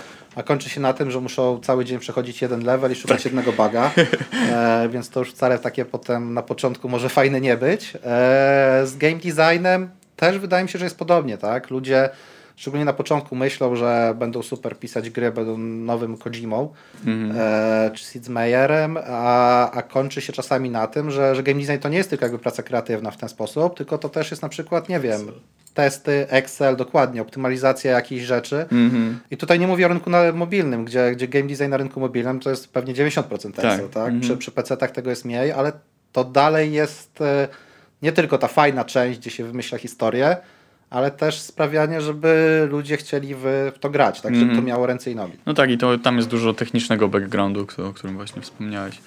Kumam, kumam. Hmm. No, jak sobie tak myślę, mm, jakbym miał coś robić poza, poza developmentem, takim czystym, e, i nie wiedziałbym, z czym to się faktycznie je, to chyba bym poszedł właśnie w stronę grafiki albo designu. To byłoby takie najbezpieczniejsze w, w kwestii, że jest to coś ciekawego, nie? nie wiem, jakbyś nie miał być salesem, to kim byś był? PM-em. O, dobra, faktycznie. No w sumie y, do PM-a też jest y, jakby krótka droga od tego, co robicie, bo tam też korem jest komunikacja, co nie? Tak, natomiast no PM jakby tutaj zdecydowanie e, wszystko lepiej trzymają za uszy, rogi i całą resztę. Jest, mm. jest porządek. No mm. u nas to jest raczej bardzo często freestyle. Okay. I tak i potem tylko pijemi na nas krzyczą, że coś niedogadane, mm. tutaj ustalone i tak dalej. No ja, ja się z nimi zgadzam, tak? No bo niestety to tak czasami wygląda, że my, my coś dogaramy, tutaj namieszamy, coś się dzieje, a potem trzeba to posprzątać po nas. Mm. E, natomiast no, działa to stosunkowo fajnie, tak? Ja jeszcze zauważyłem jedną rzecz, że, że dużo ludzi e, na przykład myśli też, że praca w publishingu jest, e, jest fajna. To z, kilka, z kilkoma takimi osobami już, już współpracowałem, bo bo można jeździć na eventy. Mm -hmm, jest super Też bym to powiedział, no oczywiście. Tak, e, natomiast no, praktycznie każdy, kto, kto już z nami pojechał na event, na te eventy, to później tak no, najbliższy to za miesiąc, nie szybciej. Aha. No to jest e, męcząca sprawa. Tak, strasznie. no takie eventy są bardzo męczące. Jeżeli tylko robisz publishing, no to jeszcze jakoś to w miarę sensownie wygląda, no bo zazwyczaj trzeba przyjechać na te targi tam dwie godziny wcześniej, wszystko przygotować, potem stoisz 8 godzin, tłumaczysz mm -hmm. ludziom, e, powtarzasz e, cały czas to samo, e, a potem w zależności od tego, na jakich targach jesteś, no to masz albo zero, albo jedną, albo dwie imprezy, na które musisz iść. E, no od strony bizdewowej to wygląda podobnie, jeszcze w międzyczasie jakieś, masz jakieś spotkania tak, mm -hmm. z, mhm. z partnerami, więc no takie targi czasami to trzeba odchorować potem kilka dni, mm -hmm. bo, no, bo jest to po prostu ciężkie, tak? No i w sensie ciężko nawet chyba poimprezować faktycznie z ludźmi, który, a mi się wydaje, że te imprezy są taki, takim największym mięsem tego wszystkiego i najwięcej fanów z tego wynika, nie? Tak i nie. Okej. Okay. Znaczy tutaj jakby mam takie trzy, dwa, dwa fajne case'y mi się wydaje, tak? No. E, i troszeczkę taki ekstrema. Z jednej no. strony mamy Gamescom, e, czyli, jed... czyli największe targi dla, dla ludzi, ale też największe jakby spotkania pod względem B2B. Mm-hmm. E, na Gamescomie średnio, znaczy średnio, no, w poprzednich latach wydaje mi się, że było około 10 hal. Jedna hala, no to jest taka jedna hala PGA powiedzmy dla, mm-hmm. dla porównania. Z czego dwie hale są tylko pod B2B, gdzie trzeba mieć specjalne wejściówki, no i tam jakby się załatwia sprawy biznesowe. E, no i na Gamescomie, jak, e, jak jeździmy na Gamescom, to średnio codziennie e, od strony tej, tej, tej outsourcowej, czy jakby zdobywania nowych kontaktów. Kiedyś liczyliśmy, robimy 30 km na nogach, mm -hmm. potem szybko do hotelu, przebrać się i jedną albo dwie imprezy mam. Mm -hmm. Raz pamiętam, znaczy raz, na ostatnim Gamescomie, na którym byliśmy, pojechaliśmy dodatkowo busem, bo kilka osób z firmy po prostu chciało pojechać, zobaczyć jak to wygląda.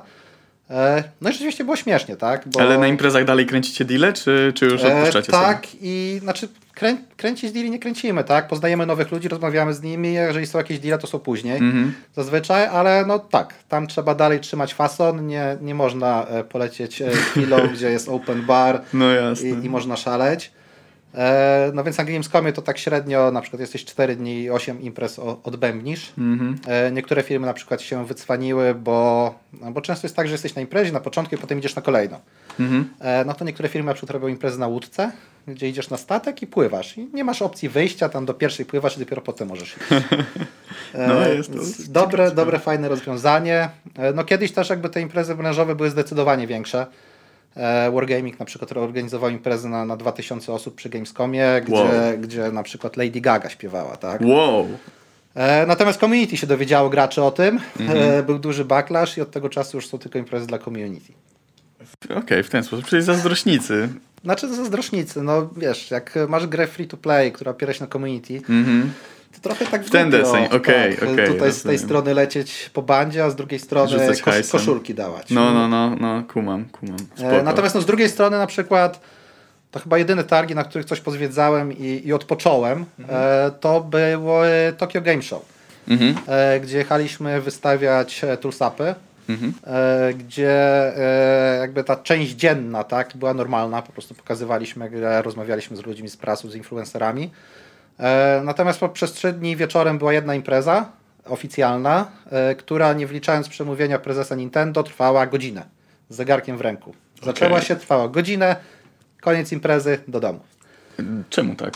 E, Wynikało to, my potem, potem jakby zauważyliśmy, z czego to wynikało. Wynikało to z tego, że w Tokio i w okolicach, znaczy tak, takie jest nasze podejrzenie, tak? Jedyną opcją transportu sensowną jest metro. Mhm. E, Metro i pociągi, które o 23 się wyłączają. Okej, no to w sumie przemyślane. Więc jak rozmawialiśmy z ludźmi, e, to po prostu w Japonii lubią imprezować bardzo intensywnie, szybko i krótko. No, no, Czyli no, jak no, no. idziesz na imprezę, godzinka i Cyk. koniec. Okej. Wracasz jeszcze, żeby wrócić metrem. E, No bo przykładowo, jak za metrem, którym jechaliśmy na targi chyba około 25 minut, e, Uber e, na tym samym odcinku albo taxa to był koszt chyba 300 czy 400 zł. Uuu, no to spurawo, Tak. trochę. Dlatego no, tam mało kto jeździ samochodem, bo metro rzeczywiście jest e, bardzo dobrze ogarnięte i pociągi. No natomiast Czaję. też jest tak, że cię dopychają kolanem. Czyli można się pobawić, zazwyczaj y, jest tym ciężko, raczej na tych imprezach przewa- m, przeważają obowiązki, które trzeba gdzieś tam spełnić. Tak. Mm, No i no przede ale- wszystkim jesteś zmęczony. Mhm, jesteś zmęczony, no bo od rana do, do nocy praktycznie Mhm. trzeba trzymać fason. Miałeś kiedyś takie poczucie, że o nie, za tydzień impreza, ni chuja, nie chce mi się na nią jechać. E, znaczy to jest tak, e, to jest taki standardowy powiedzmy nasz, nasz tryb, tak? Okej. że na początku jest ok, planujemy, że nie, w marcu jedziemy na GDC, Mhm. wszystko zabukujemy, super bomba, lecimy, e, potem tydzień przed będzie fajnie, w końcu, w końcu lecimy, potem jest jeden dzień przed, kurde, no trzeba jechać, potem przyjaduje, przyla- przylatujemy na miejsce, przed pierwszym spotkaniem jest, dobra, kiedy wracamy? No ale potem jakby jak człowiek zaczyna już tą, tą pracę, to czas, czas bardzo szybko leci, tak? No jesteś w Te tempie. 8 godzin na, na spotkaniach czy, czy na stoisku mija bardzo szybko. Mhm. E, no ale pod koniec zazwyczaj jest takie, takie już odliczanie, tak? Kiedy, kiedy się w końcu wróci. To bardzo fajnie widać na Paksie, tak? E, bo na Paksie codziennie o godzina 18 z głośników leci dzień dobry, prosimy o opuszczenie targów. To wszyscy na stanowiskach zaczynają klaskać. E, a ostatniego dnia dodatkowo chodzi taki koleś z dużą taką tubą, No, no. takim rogiem i zaczyna na nim grać. I za nim idzie cała procesja ludzi, którzy obsługiwali stoiska i tam biją brawo i, i jest super. Ej, to w sumie mega fajne, mega fajne. Tak. Ile trwała najdłuższa impreza, na jakiej byłeś w sumie? Znaczy wiesz co, naj, najdłuższe zazwyczaj wychodzą Stany, Mhm. e, czyli, czyli Paksy. Paksy są przez 4 dni. No, Mhm. Jeżeli mówimy o Stanach, no to tam trzeba dwa dni wcześniej przylecieć, jeden dzień wcześniej, później polecieć. Kumam, kumam. Wcześniej czasami lecieliśmy jeden dzień wcześniej, natomiast no jak raz e, wylądowaliśmy nie tam, gdzie trzeba, e, bo nam się samolot opóźnił i mieliśmy dodatkowy nocleg w, Mhm. chyba w Chicago, no to zdecydowaliśmy, że jednak trzeba wcześniej lecieć, tak, żeby tego typu rzeczy, rzeczy odciąć. Czyli taki tydzień powiedzmy, to tak, jest... tydzień. No wydaje mi się, że najdłuższy, taki najbardziej intensywny jest Gamescom. E, tam są zaczyna się to w środę, czwartek. Zazwyczaj wtedy jeszcze już w sobotę wracaliśmy, niedziela już jest taka zwykle, tam nikogo nie ma na tej strefie B2B. Kumam, kumam. Spoko, spoko. Dobra, lećmy dalej. E, chciałem się zapytać o najdziwniejszych klientów, z jakimi przyszło ci pracować, bo tych na pewno też jest co niemiara. Szczególnie, że ty jesteś pewnego rodzaju filtrem pomiędzy tymi e, e, pierwszymi osobami, które, które mają styczność z, z naszą firmą i jeśli ktoś dalej e, stwarza problemy, to już to przez ciebie przeszło. E, Znaczy tak, no mniej więcej dwa, trzy razy tygodniowo dostajemy informację, że ktoś ma super bomba pomysł i chce go zrobić z nami, nie chętnie na refszerze i nie ma GDD, ale ma sam pomysł. za friko.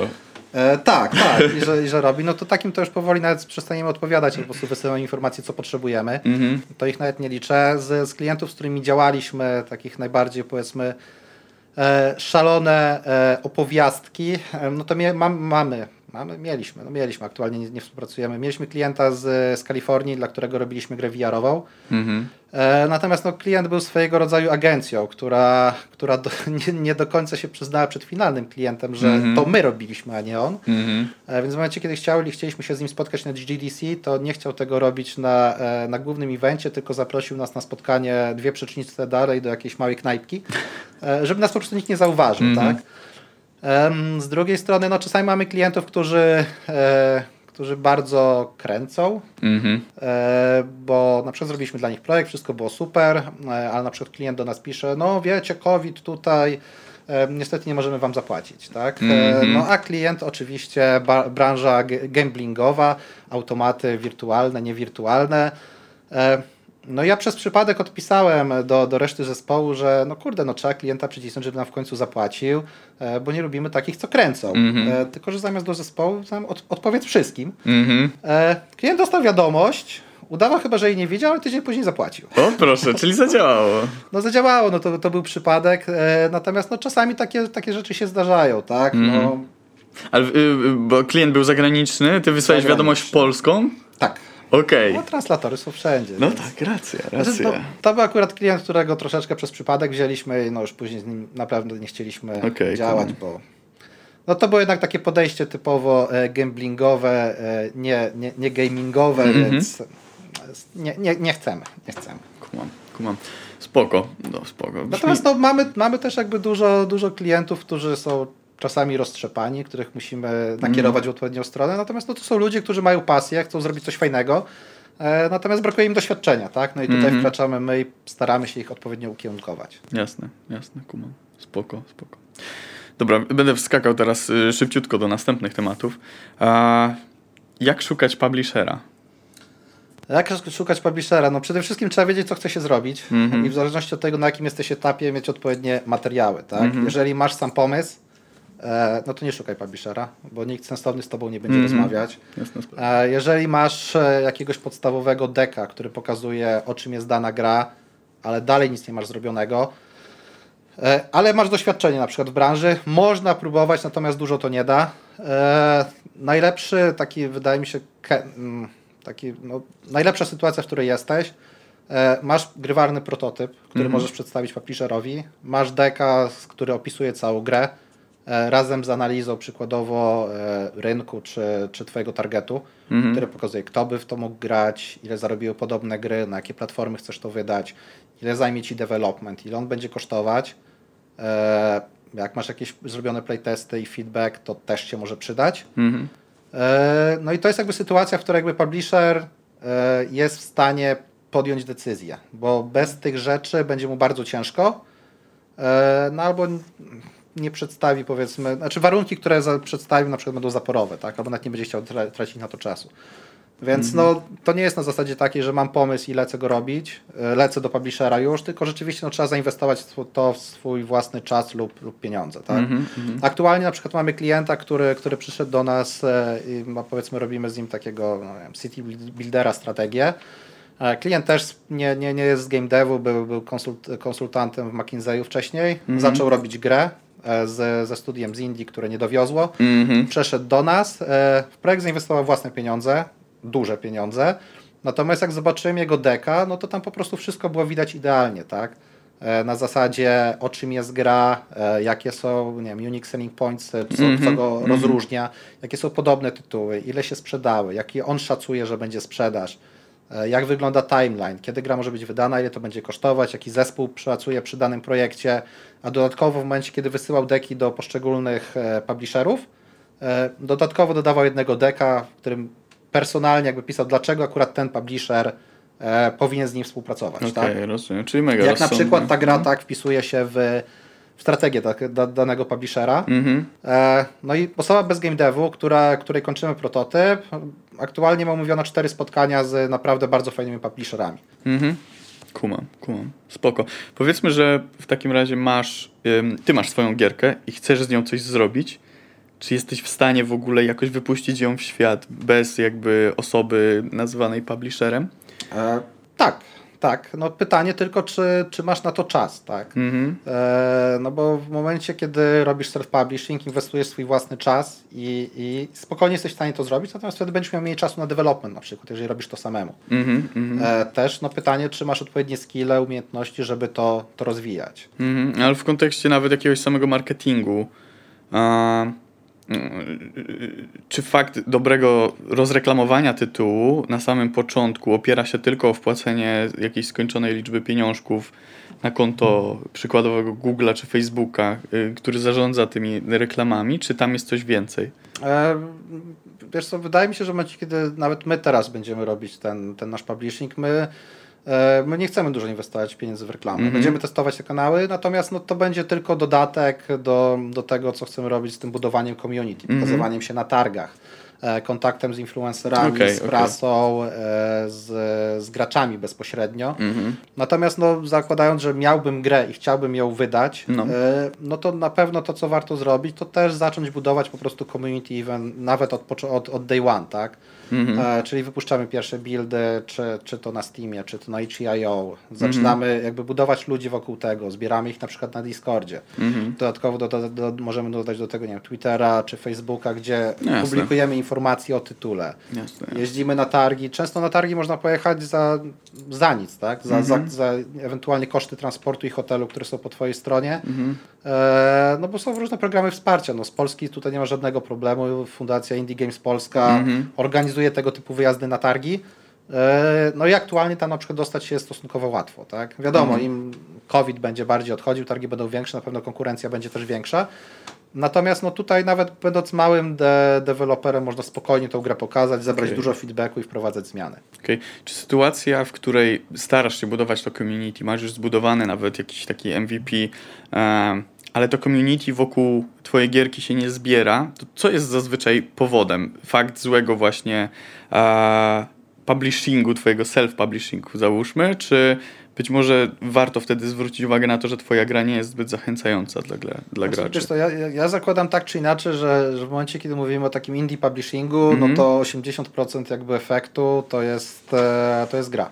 Mhm. To jest to, co jest w grze, to, to jak gra jest dostosowana do oczekiwań graczy. Okej. E, Natomiast no 20% to jest to, co my jesteśmy w stanie jako publishing wypracować. Mhm. Czyli E, to- jeśli to nie wychodzi, to i tak powinniśmy raczej patrzeć w stronę tego, że mo- być może coś z, z designem naszej, naszej gry bądź z, z końcowym Tak. produktem po prostu jest coś. Najprawdopodobniej tak. No, Mhm. to, to, to nie jest, znaczy wiadomo, no, mając nieskończoną ilość pieniędzy, można każdy tytuł wypromować. Mhm.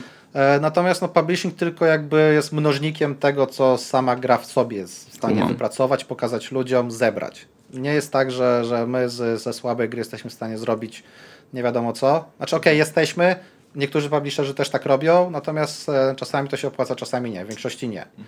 E, bo po prostu trzeba w tą masę pieniędzy No, jasna które sprawa. się potem nie zwrócą. Jasna sprawa. Hmm. Spoko. Y, Chciałbyś w sumie tak już pod koniec poopowiadać trochę z jakimi klientami w sumie współpracujemy? Myślę, że to mm, jest taki ciekawy punkt. Ja sam jestem do końca ciekaw, bo wszystkich na pewno nie, nie, nie, nie, nie pamiętam, nie mam jakiejś bazy danych w głowie. Znaczy to tak, no my działamy praktycznie z każdym, tak, Okej. e, jeżeli chodzi o typ klienta. Mhm. E, tutaj no, mm, staramy się być na tyle jakby e, flexible, tak, Mhm. że, że potrafimy działać i z dużą korporacją, e, taką jak Ubisoft, dla, dla którego robiliśmy kilka projektów dla, dla studia Ubisoft z Londynu, czy- czyli Future Games of London. Mhm. E, robiliśmy kilka, kilka wewnętrznych tuli, z których aktualnie i dalej korzystają. Mhm. No a z drugiej strony mamy małe dwuosobowe zespoły z Kalifornii, jak na przykład Dobo Rock Team, Mhm. gdzie od trzech lat ponad pomagamy im rozwijać grę Clone Drone in the Danger Zone. Mhm. E, wiadomo, no tutaj jest zupełnie inny tryb pracy i tutaj też, tak? Mhm. E, na środku na przykład mamy, mamy takich, e, takich partnerów jak, jak, Dis, jak Zaum Team, czyli, czyli ekipa za Disco Elysium, Mhm. Gdzie no, oni do nas się odezwali rok przed, przed wypuszczeniem disco e, z informacją, że e, siema, pomóżcie, został nam jeden deweloper, który i tak zaraz się zwolni. Mhm. E, a grę rozwijali chyba od 6 lat wte- wtedy. Mhm. E, no my pomogliśmy, poklnęli deweloperzy na, na jakość kodu i rozwiązań, które tam były, Mhm. e, no ale finalnie udało się wszystko wyciągnąć, tak? dodać feature'y, które chcieli, chcieli zrobić optymalizację, cały bugfixing. No i gra wygrała Game of the Year Award, tak? Mhm. I jakby z punktu widzenia firmy była takim fajnym krokiem milowym. e, który no, pokazał, że też przy, przy dużych projektach potrafimy działać, bo wcześniej tych dużych projektów e, brakowało nam w portfolio. Albo nie mogliśmy o nich mówić, no bo też, też część projektów, szczególnie starszych, jest pod NDA, czyli no poza tym, że powiemy, że wiem, to jest gra podobna do Beat Sabera w VR-ze oparta na IP znanej kreskówki, nic więcej powiedzieć nie możemy. Mhm, mhm. Eee, natomiast no, większość No. nowych projektów, które robimy, jednak już jest, e, jest, jest powiedzmy publiczna, tak? Więc e, no, standardowym zapisem u nas w umowie jest, że po zakończeniu projektu, w momencie kiedy gra jest opublikowana, my możemy się tym, tym chwalić, że braliśmy udział, że pomagaliśmy. Mhm, mhm. Okej, okej, kumam. Jeszcze jedno pytanie mi przyszło na myśl, o które bardzo cię chciałem zapytać. A jak byłbym osobą, która chce przyjść do ciebie i rozmawiać o publishingu, to jak powinienem z tobą rozmawiać na temat kontraktu? W sensie, czy masz jakieś takie tipy, dobre rady dla, dla, dla osób, by po prostu nie zostać zrobionym na szaro przysłowiowo, nie? No to jest, e, to jest trudny temat. Na pewno to, co bym polecał, to wziąć sobie prawnika, tak czy inaczej. Nawet jeżeli, nie wiem, byście Okej. rozmawiali z nami czy z kimkolwiek innym, Mhm. bierzcie prawnika zawsze, bo czasami są rzeczy, które, które wydają się spoko, Mhm. e, a w rzeczywistości no, do końca spoko nie są. Tak? I najlepiej, żeby to był prawnik, który miał, ma doświadczenie w game devie, e, bo niektóre no, zapisy są takie, które normalny prawnik pominie, a, a na przykład są, są dość kluczowe w dłuższej perspektywie czasu. E, rzeczy, na które na pewno trzeba uważać, no to przede wszystkim jest e, to im więcej pieniędzy dostaniesz z góry, tak, czy na development, czy w formie jakiejś wiem, płatności, tym najprawdopodobniej mniej dostaniesz później z, z refshera, tak, czyli z, z, tego, gdzie się e, dzielisz kasą z, e, z publisherem. E, więc tutaj jakby na pewno warto to, to, to przypilnować. E, warto na pewno rozmawiać o recapie, E, Czyli recap to jest wartość, którą e, publisher musi odzyskać, zanim zacznie się z tobą dzielić refsherem. E, Często na przykład są to te koszty, które wypłacą ci na development, czasami są powiększone o marketing, czasami o marketing i jakieś koszty, które mogą tam dodać. E, Więc to na pewno warto zdefiniować. E, Warto zdefiniować, jak długo obowiązuje umowa. E, No na pewno nie warto, żeby, żeby to była, nie wiem, na zawsze, tak? Na zasadzie, że deweloper, że publisher przejmuje kontrolę nad twoim IP. E, Czasami jest to tak na przykład, gdzie, mm, gdzie publisher tylko jakby zajmuje się publishingiem, natomiast IP dalej zostaje u ciebie. I to jest, to jest super sytuacja, bo w momencie, kiedy rzeczywiście to się uda, chcesz zrobić kolejną grę na tym IP, no to możesz wybrać dowolnego publishera, tak? O ile nie masz zapisów, że na przykład oni mają pierwszeństwo w, w pierwokupie. E, Warto też na pewno dokładnie ustalić, jak wyglądają płatności, czyli co, ile są robione, na podstawie czego, e, w jaki sposób jest raportowana sprzedaż, e, bo ile na niektórych platformach jest to stosunkowo proste, tak jak na Steamie, e, można dać odpowiednie uprawnienia, więc każdy widzi, ile się czego sprzedało, no to na, nie, na głównie na konsolach jest to dość duży problem. Tak? Raportowanie na konsolach zatrzymało się chyba w latach 90. E, PlayStation na przykład raz w tygodniu wysyła raport, w którym w Excelu są e, wartości. Super. I najciekawsze, że każdy region PlayStation wysyła w innym formacie ten raport. No tak, tak. E, więc no to, jest, to jest takie dość, e, dość śmieszne. E, na co jeszcze warto zwrócić uwagę? E, warto zwrócić uwagę na to, jaki duży wpływ ma, ma publisher na, na grę. Tak? Mhm. E, kto na przykład finalnie decyduje, co ma się w grze znaleźć e, i czy na przykład jest możliwość zmiany jakichś milestone'ów, bo często kontrakt wygląda w ten sposób, że nie wiem, nie dostajesz cały custom development od razu, tylko płatności są w zależności od tego, jaki etap osiągniesz. Mhm. Mhm. No i to są chyba, wydaje mi się, takie naj, najważniejsze punkty, tak, na które trzeba zwrócić uwagę e, przy współpracy z jakimkolwiek publisherem. Kumam, kumam. No, zaskak- zaskoczy... w sensie mm, nie, żebym miał jakieś głębsze doświadczenie, ale fakt, że sugerujesz właśnie, żeby od razu wystartować z prawnikiem na, na pewniaczkę. Wydawało mi się, że to jest takie y, trochę mniej zobowiązujące, nie wiem, czy to dobre słowo, mm, i łatwiej przez to przejść, ale ja, jak o tym opowiadasz, to wydaje mi się, że to jest trudne Znaczy, to jest też, też jakby. Inaczej, nawet jeżeli rozmawiasz z publisherem, któremu ufasz, tak, który Mhm. ma dobrą renomę na rynku, no zawsze warto mieć prawnika. Oni czasami są strasznie denerwujący Mhm. e, i tylko wprowadzają e, chaos i zamieszanie, natomiast no, trzeba pamiętać o tym, że umowy są tworzone na, na złe czasy, a nie na Mhm. dobre czasy. No jasna sprawa. E, więc tego typu jakby no, sprawdzenie umowy jest w stanie e, no, zabezpieczyć po prostu twoje prawa, tak? Kumam, kumam, kumam. Wiesz co, spoglądam na, na czas i wydaje mi się, że nasz czas dobiegł końca. E, mi się bardzo miło z Tobą rozmawiało. Myślę, że mamy też. content jeszcze na, na, na drugi odcinek i powinniśmy o tym pomyśleć. E, tymczasem będziemy się z Wami żegnać. E, rozmawiali dla Was Ser Dudart i I Sir Bart. więc do zobaczenia w następnych odcinkach. Dzięki. Na razie, cześć.